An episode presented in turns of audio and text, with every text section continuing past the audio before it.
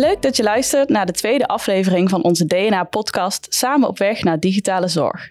Dit keer met het onderwerp Inzicht in e-overdracht. Mijn naam is Willeke van Doren. Ik ben consultant bij DNA.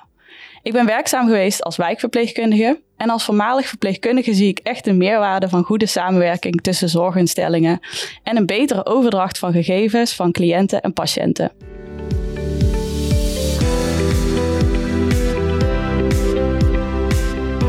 Vandaag praat ik met mijn collega Dave van Dijk over onder meer de inzichtregeling en de e-overdracht.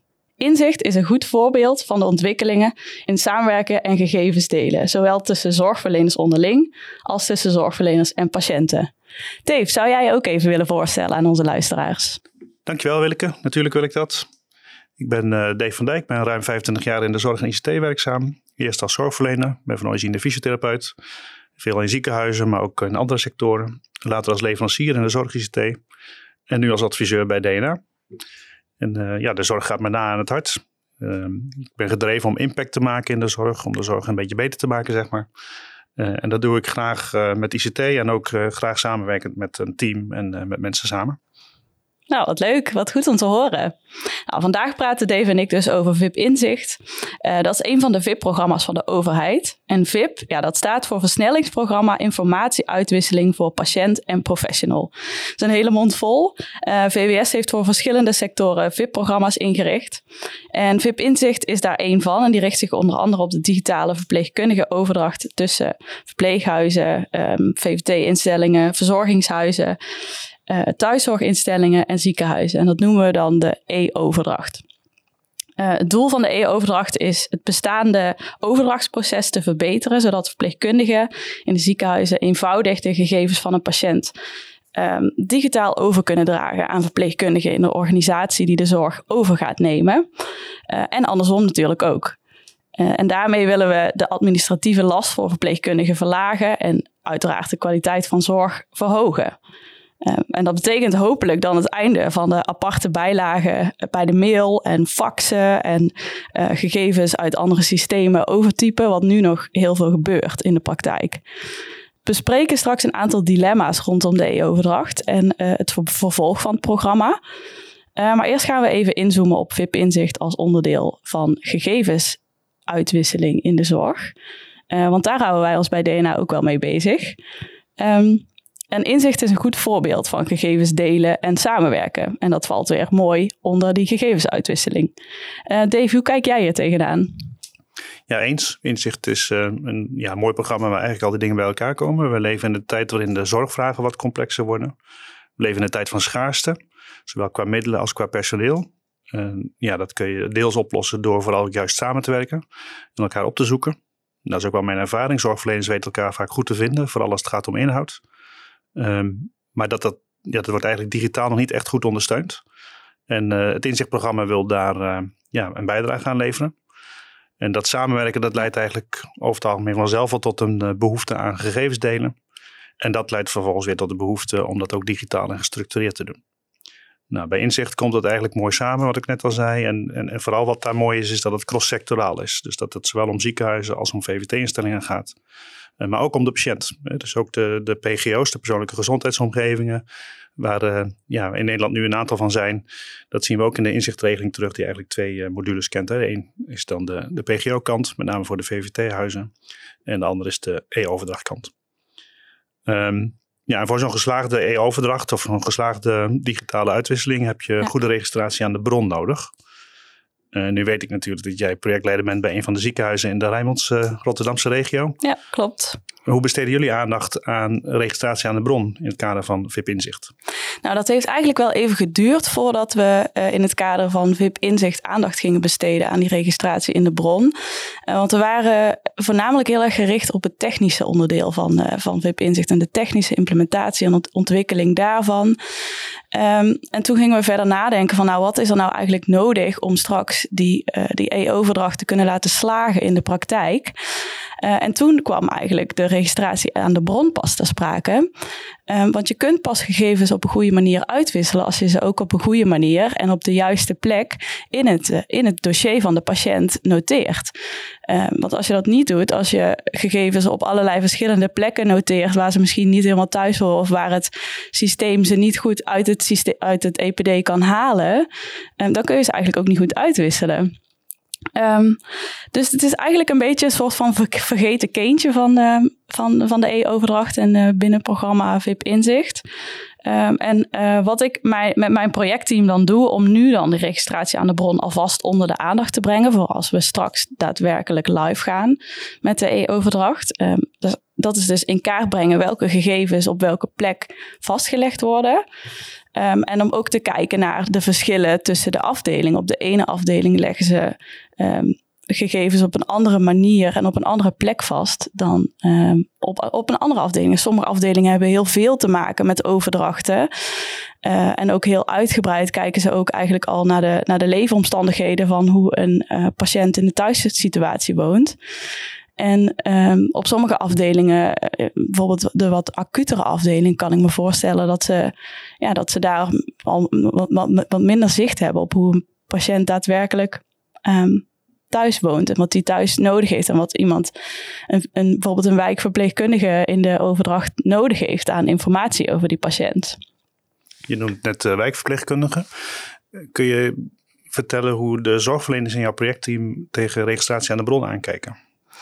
Uh, nou, de zorgverleners die bij mij in mijn projectteam zitten, die zijn allemaal heel enthousiast over de e-overdracht. En ze zien ook echt wel het belang van die uh, registratie aan de bron in. Dus het belang wordt echt wel onderschreven. Uh, maar wat uh, de zorgprofessionals die in mijn projectteam aangeven, is dat het wel gewoon ook op een logische plek in het, dossier moet staan. Het moet wel gebruikersvriendelijk zijn. Het is super onhandig als je als verpleegkundige aan het bed aan het werk bent en je moet dan op allerlei verschillende plekken in het dossier gegevens invullen. Uh, dat moet gewoon op een logische plek en dat moet zo gebruikersvriendelijk mogelijk zijn, zodat dat zo makkelijk mogelijk in te vullen is en dat geen extra registratielast kost. Um, ja, en die registratie aan de bron, dat is denk ik wel ook een, een onderdeel van het delen van gegevens. En ja, daar gaat inzicht ook over.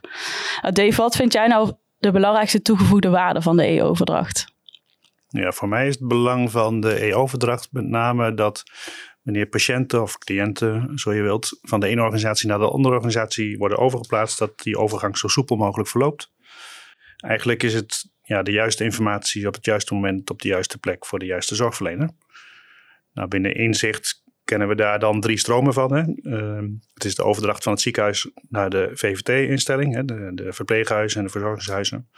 Uh, het is de overdracht tussen die VVT-instellingen onderling, maar ook uh, de overdracht van VVT-instellingen naar het ziekenhuis. Op het moment dat de patiënt die woont in een verzorgingshuis of in een verpleeghuis, wanneer die uh, ja, iets heeft of iets krijgt waardoor die opgenomen wordt in het ziekenhuis, dan is er ook natuurlijk een behoefte om de informatie van het verblijven ook daadwerkelijk in het ziekenhuis beschikbaar te krijgen.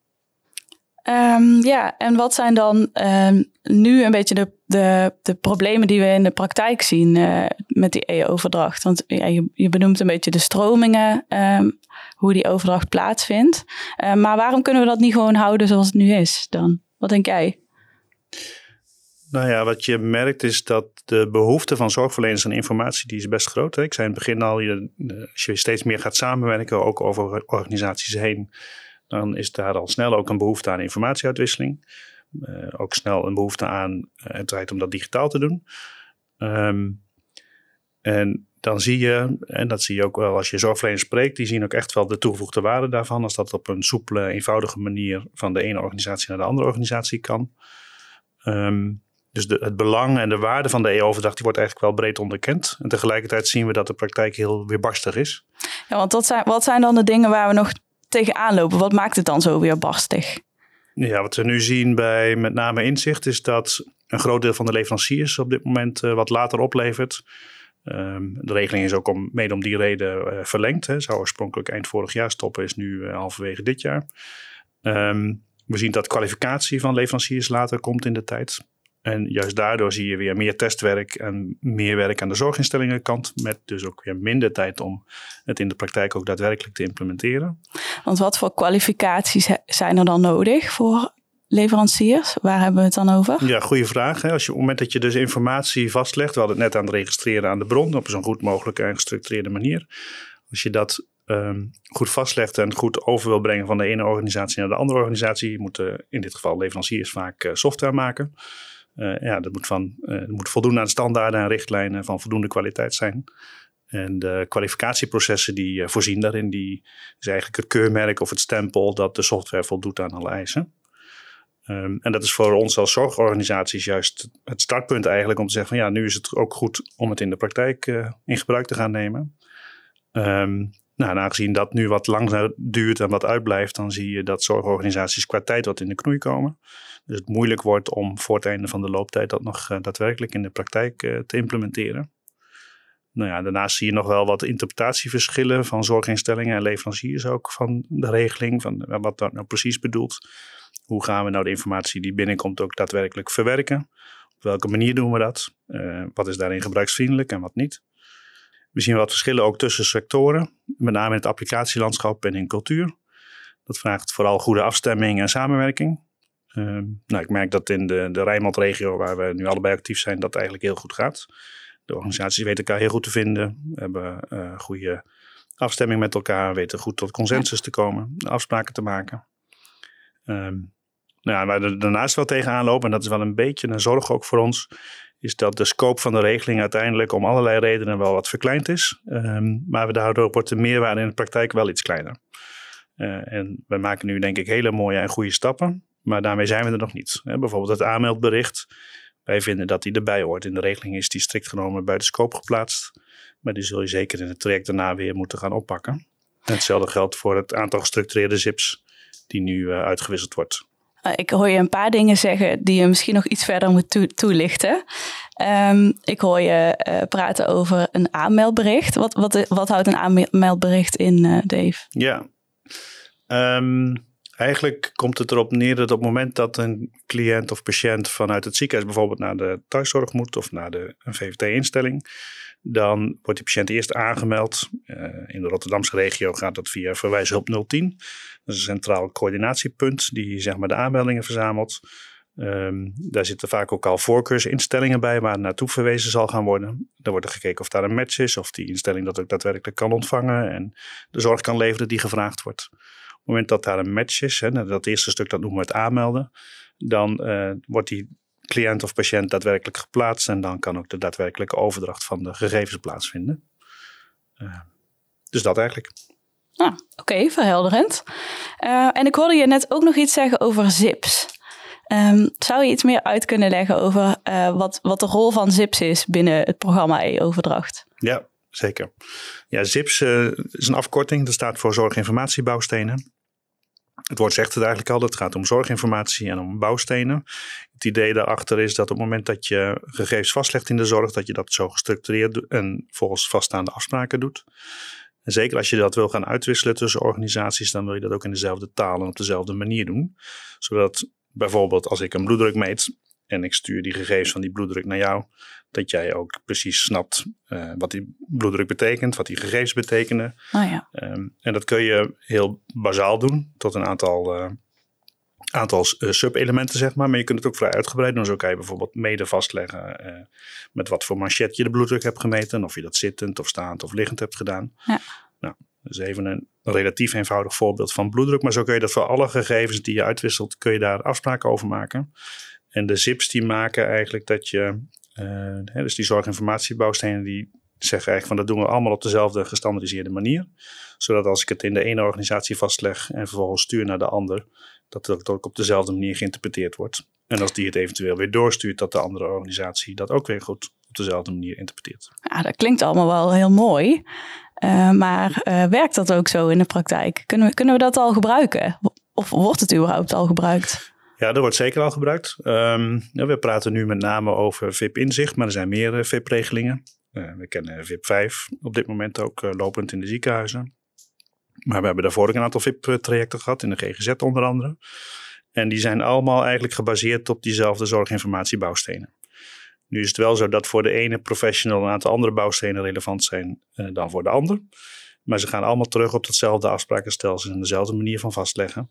Zodat die uitwisselbaarheid eigenlijk wel eh, geborgd is. Ja, want ik kan me, kan me voorstellen als je eh, het hebt over een verpleegkundige overdracht tussen een ziekenhuis en een VVT-instelling, dat verpleegkundigen in het ziekenhuis hele andere gegevens gebruiken en nodig hebben dan eh, de verpleegkundigen in een, een, een, een thuiszorginstelling of een verpleeghuis. Ja, dat lijkt zo en dat is voor een deel ook zo. En tegelijkertijd, ik had vanmiddag nog een overleg, een projectoverleg eh, met zorginhoudelijke mensen erover. Om vast te stellen wat is een echte behoefte als je een overdracht eh, ontvangt. En, en die was eigenlijk opvallend gelijkluidend. Oh, Hoewel de context anders is en de actualiteit soms anders is, gaat het om de pure inhoud eigenlijk wel voor een groot deel over hetzelfde. ja, ja. Dat niet wil zeggen dat dat in de regeling nu al perfect is. Hè? Want er zitten nog wel een paar dingetjes in. Hè? Zo zie je dat de huidige zips die in de regeling zijn eh, verplicht gesteld, met name om gestructureerd uit te wisselen, relatief medisch georiënteerd of relatief administratief georiënteerd zijn. Ehm, maar het is wel een hele goede en, en belangrijke stap zeg maar, naar meer. Als we alle zips die relevant zijn op een gegeven moment ook kunnen gaan uitwisselen, dan hebben we het eigenlijk volledige plaatje te pakken. Dan gaat er ook echt meerwaarde ontstaan voor zorgverleners. Dan wordt het werk ook daadwerkelijk makkelijker. En eh, ja, dan, dan gaan we de goede kant op. Ja, ja want het, het pakketje wat we nu dan hebben aan zips, dat, dat is nog niet helemaal volledig, toch? Nee, klopt. Nee, en, en het programma loopt tot 30 juni. Ehm, dus, dus als ik jou zo hoor, dan, dan, en, dan lijkt het me dat er ook echt zeker nog wel het nodige moet gebeuren. En dat er, ehm, ja, dat er nog wel het een en ander verder ontwikkeld moet worden. Om, om, om dit echt van toegevoegde waarde te kunnen laten zijn ehm, voor die verpleegkundigen. Ehm, en ik denk dat dat ook nog best wel wat uitdagingen met zich meebrengt. Ehm, en ik denk dat eh, bij uitdagingen ook eh, vaak dilemma's horen. Ehm, en ik denk dat ook in het programma VIP Inzichten wel de een en ander dilemma speelt. Zeker ook als je kijkt naar wat er voor de toekomst nog nodig is om het echt een toegevoegde waarde te kunnen laten hebben. En Dave, ik wil eigenlijk graag een aantal van deze dilemma's even aan jou voorleggen. Ehm, ken je het concept dilemma's op dinsdag? Ja, zeker. In dit concept krijg je eigenlijk twee opties, uh, waar, waartussen je eigenlijk onmogelijk, on, onmogelijk een keuze kunt maken. Uh, maar je moet kiezen, dat is het concept. Je, je, moet het een of het ander kiezen, ook al lijkt het een, onmogelijke keuze. Um, en mijn eerste dilemma heeft te maken met, uh, met, met die technische doorontwikkeling. Heeft misschien ook wel wat te maken met die, met die zips waar je het net over had. Um, want uh, wat, wat is dan belangrijker? Ga je voor techniek of gebruiksvriendelijkheid? Nou, bedankt voor de relatief eenvoudige start. voor mij is die makkelijk, gebruiksvriendelijkheid. Uiteindelijk doen we het voor onze zorgverleners en om de zorg beter te maken. Dus gebruiksvriendelijkheid uh, ja, is gewoon super belangrijk. En tegelijkertijd kan het ook niet zonder de techniek. Hè. Dus het is een, uh, natuurlijk een beetje van beide. En daarom is het toch wel een, een, in die zin een dilemma. Maar voor mij staat wel echt gebruiksvriendelijkheid voorop. We zeggen in de regio wel eens van uh, het moet niet alleen werken, het moet ook werkbaar zijn. Ja, ja daar, daar sluit ik me natuurlijk wel helemaal volledig bij aan als uh, oud-verpleegkundige zijnde. Uh, maar ja, die techniek die moet wel inderdaad wel ook werkend zijn. En um, uh, er moet ook getest worden. En uh, daar moet ook tijd voor vrijgemaakt worden om dat, om dat te doen. Ja, nou ja, wat je nu een beetje ziet is dat um, zeg maar, de looptijd van de regeling, die heeft er nu, als je het even van een afstandje bekijkt, vooral toegeleid dat we met elkaar in Nederland, hè, er zijn meer regio's die uh, VIP in zich doen, dat we met elkaar eigenlijk kunnen realiseren dat het technisch werkt. Maar dat het echt uh, werkbaar zijn en werkbaar worden in de praktijk, dat dat toch na afloop van de regeling zou moeten plaatsvinden voor een groot deel. Um, ik denk dat we op onderdelen al heel ver zijn. Uh, ik verwacht ook dat we de overdracht van ziekenhuis naar VVT bijvoorbeeld uh, al vrij snel ook echt in gebruik kunnen nemen. Maar willen we het hele plaatje doen, dan zal daar vooral nog wat, ja, wat tijd aan mee gemoeid gaan en inspanning nodig zijn om dat te realiseren. Ja, dan moeten natuurlijk die verpleegkundigen op de afdeling moeten daar ook tijd in investeren. Um, terwijl altijd heel hard geroepen wordt dat, dat er al zo weinig tijd is. Dus daar zit denk ik ook wel een deel van het dilemma in. Um, je moet tijd investeren uh, om die gebruiksvriendelijkheid en die techniek te kunnen doorontwikkelen. Ja, ja. Nee, dat is zeker waar. Ze zeggen dan altijd een beetje ouderwets, hè? kosten gaan voor de baat uit. Um, maar dat is ook wel zo, enerzijds. Anderzijds, juist door het zo gebruiksvriendelijk mogelijk te maken en als het ook echt wat oplevert en als het mij als zorgverlener ook echt helpt om mijn werk makkelijker te maken of uh, sneller te maken of op welke manier dan ook. Misschien wel minder telefoontjes in de nazorg omdat ik een betere overdracht gedaan heb. Um, als dat soort winstpunten er daadwerkelijk zijn, um, dan zijn over het algemeen zorgverleners ook echt wel bereid om die investering te doen. Um, maar het blijft wel een investering, want het blijft ook een verandering van gedrag. Hè? Want je, je, je blijft niet doen wat je nu doet, ja. maar je gaat nieuwe dingen doen. Nee. Um, hopelijk met echt meerwaarde, of naar verwachting met echt meerwaarde. Dat is wel de bedoeling. Maar um, ja, het vraagt wel even een gedragsverandering. Ja. Mm, en om dan meteen even door te gaan naar het volgende dilemma. Ligt de verantwoordelijkheid voor die technische doorontwikkeling die dan nodig is en uh, die vervolgstappen, uh, liggen die bij de zorginstelling of bij de leveranciers die de techniek moeten maken? Ja, dit is wel voor mij iets meer een dilemma. Um, ik zou zeggen beide, maar dat mag natuurlijk niet. Je moet uh, kiezen. Ja, ik, als ik hem heel helemaal afpeil, dan zou ik zeggen de echte technische doorontwikkeling die ligt bij de leveranciers. Maar de behoefte en de vraag die moet echt uit de zorginstellingen komen. Dus de zorginstellingen zullen echt helder moeten maken wat dan de behoefte is en, en hoe die verandering daadwerkelijk plaats moet vinden. Welke verbeteringen en welke uitbreidingen nu echt het meest relevant en het belangrijkst zijn. Um, maar de echte uitvoering van die technische doorontwikkeling, ja, dat ligt dan vervolgens wel bij de leveranciers. Dus het zal toch een samenspel zijn tussen die twee. Ja, dat mag eigenlijk niet, hè? Ja, nou ja. Dat is toch goed in de praktijk gaat, hè? Nou ja, als je dan, uh, ik denk dat het volgende dilemma hier ook nog wel mooi op aansluit. Als we het dan hebben over verantwoordelijkheden voor vervolgstappen van inzicht, ligt die verantwoordelijkheid dan bij die zorginstellingen? Of ligt daar ook nog wel een stukje van bij de overheid? En dan moet ik eigenlijk niet zeggen een stukje daarvan, want dan is het geen leuk dilemma. Ligt die bij zorginstellingen of bij de overheid? Um, ja, de verantwoordelijkheid voor die vervolgstappen liggen wat mij betreft ook wel bij de zorginstellingen. Um, zij zijn verplicht om, uh, verplicht klinkt dan zo zwaar, hè, maar je, we zijn op aarde om de goede zorg te leveren. Mm -hmm. um, en onze cliënten en patiënten goed te helpen. Uh, en daar hoort ook een goede overdracht bij. En daar hoort ook een goede uh, ja, verpleegkundige en ook, ook andere medische zorg hoort daarbij. dus die primaire verantwoordelijkheid voor de uitbreiding daarvan, ook weer voor de vraag daarom ligt denk ik echt bij de zorginstellingen.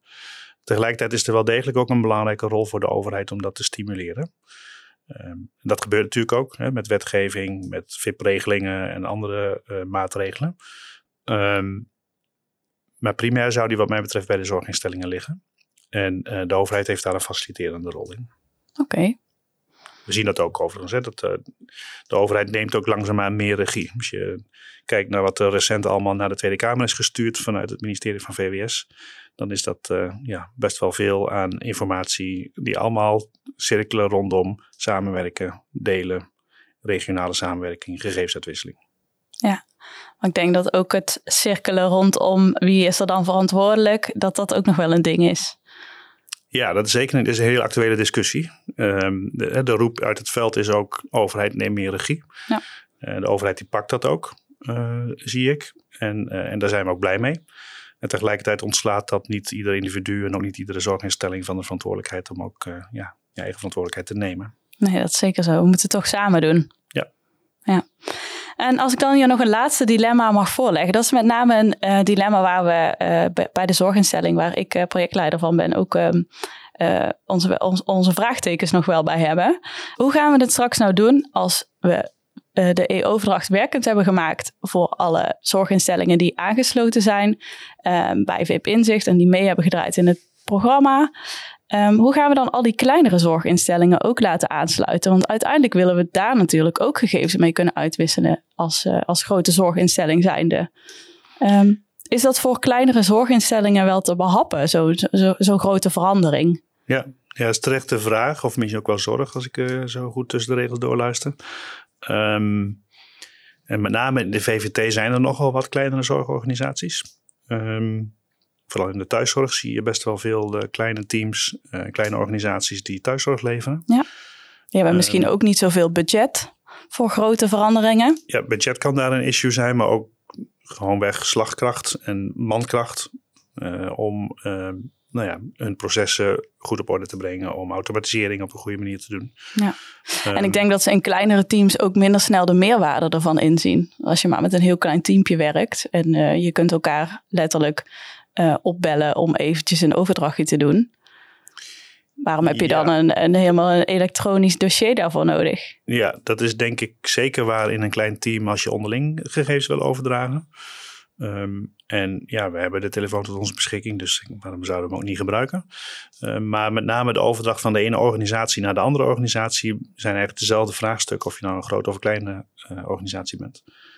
En daar zie ik ook wel een zorgenpunt, met name voor de wat kleinere VVT-instellingen, hoe die dit zullen en moeten gaan omarmen. Zeker ook in het kader van de WEGIS, hè, de Wet Elektronische Gegevensuitwisseling in de Zorg, die recent is aangenomen in de Eerste Kamer en binnenkort in werking treedt. Um, dan gaat het nog even wat tijd om overheen, zeg maar, voordat dat ook voor de EU-overdracht helemaal uh, in wetgeving is gegoten. Maar die gaat er wel komen. En die zorgorganisaties zullen toch op een of andere manier daarin mee moeten gaan. Ja, dus eigenlijk worden ook die kleinere zorginstellingen dan straks min of meer gedwongen om ook mee te gaan doen in de EU-overdracht. Is dat eigenlijk wat je zegt? Ja, wetgeving is in die zin dwingend. Hè? Dus op het moment dat er een, een, ik wil niet al te veel details van de wegen streden, maar op het moment dat het een spoor 2 aanwijzing wordt, waarbij ook wordt omschreven op welke manier de uitwisseling plaats moet vinden, ehm, ja, dan zul je daar als organisatie in mee moeten. Ja, ik denk uh, dat soort dingen, dat het ook allemaal stapjes zijn um, waarover nagedacht moet worden door zowel zorginstellingen, zoals je zei, als, als een stukje vanuit de overdracht. Uh, over die vervolgstappen voor de inzichtregeling.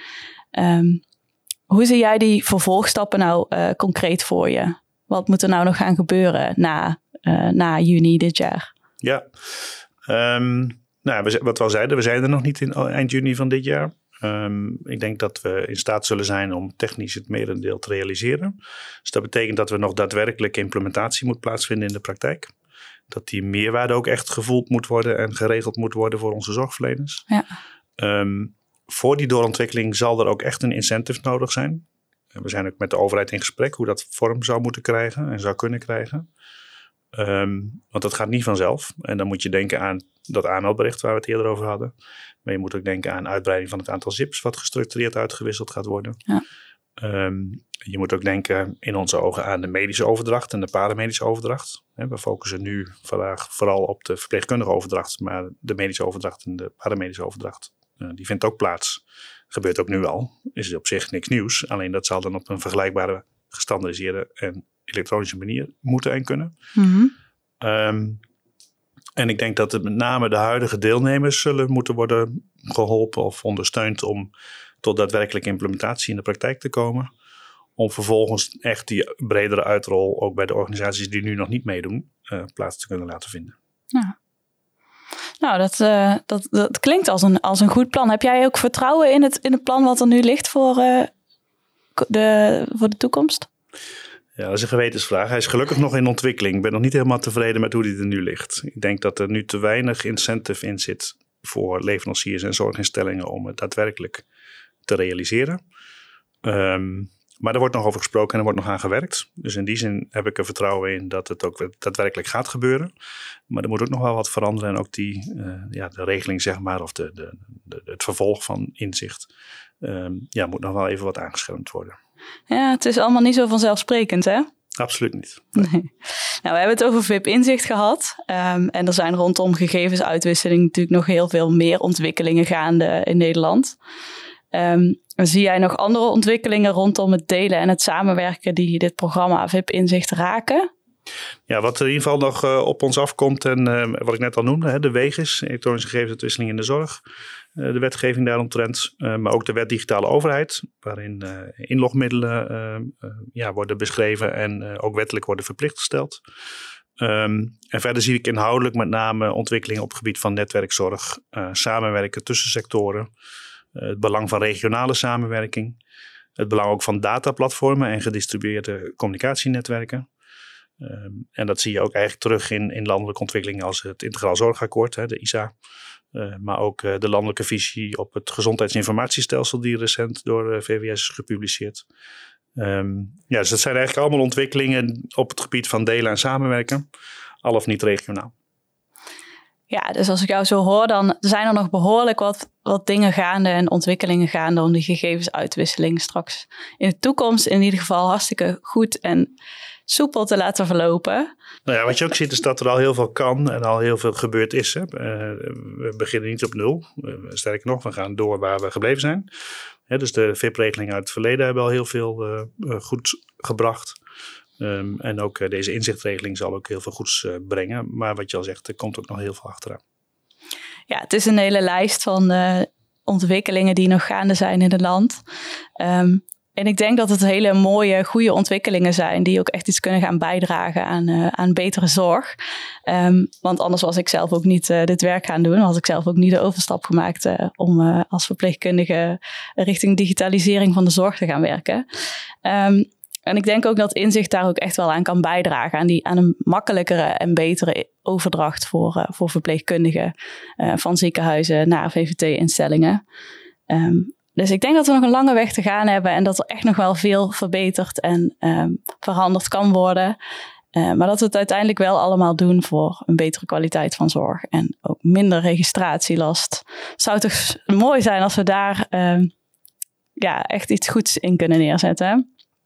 Absoluut. Dan is het cirkeltje weer rond. Hè? We willen de zorg toch een beetje beter maken. Ja, ja daar doen we het voor. Hè? Nou, dit was hem dan. De aflevering over inzicht in de e-overdracht. Dave, hartstikke bedankt voor je bijdrage. Um, bedankt voor het luisteren, alle luisteraars. En graag tot de volgende aflevering. Graag gedaan. Jij ook bedankt.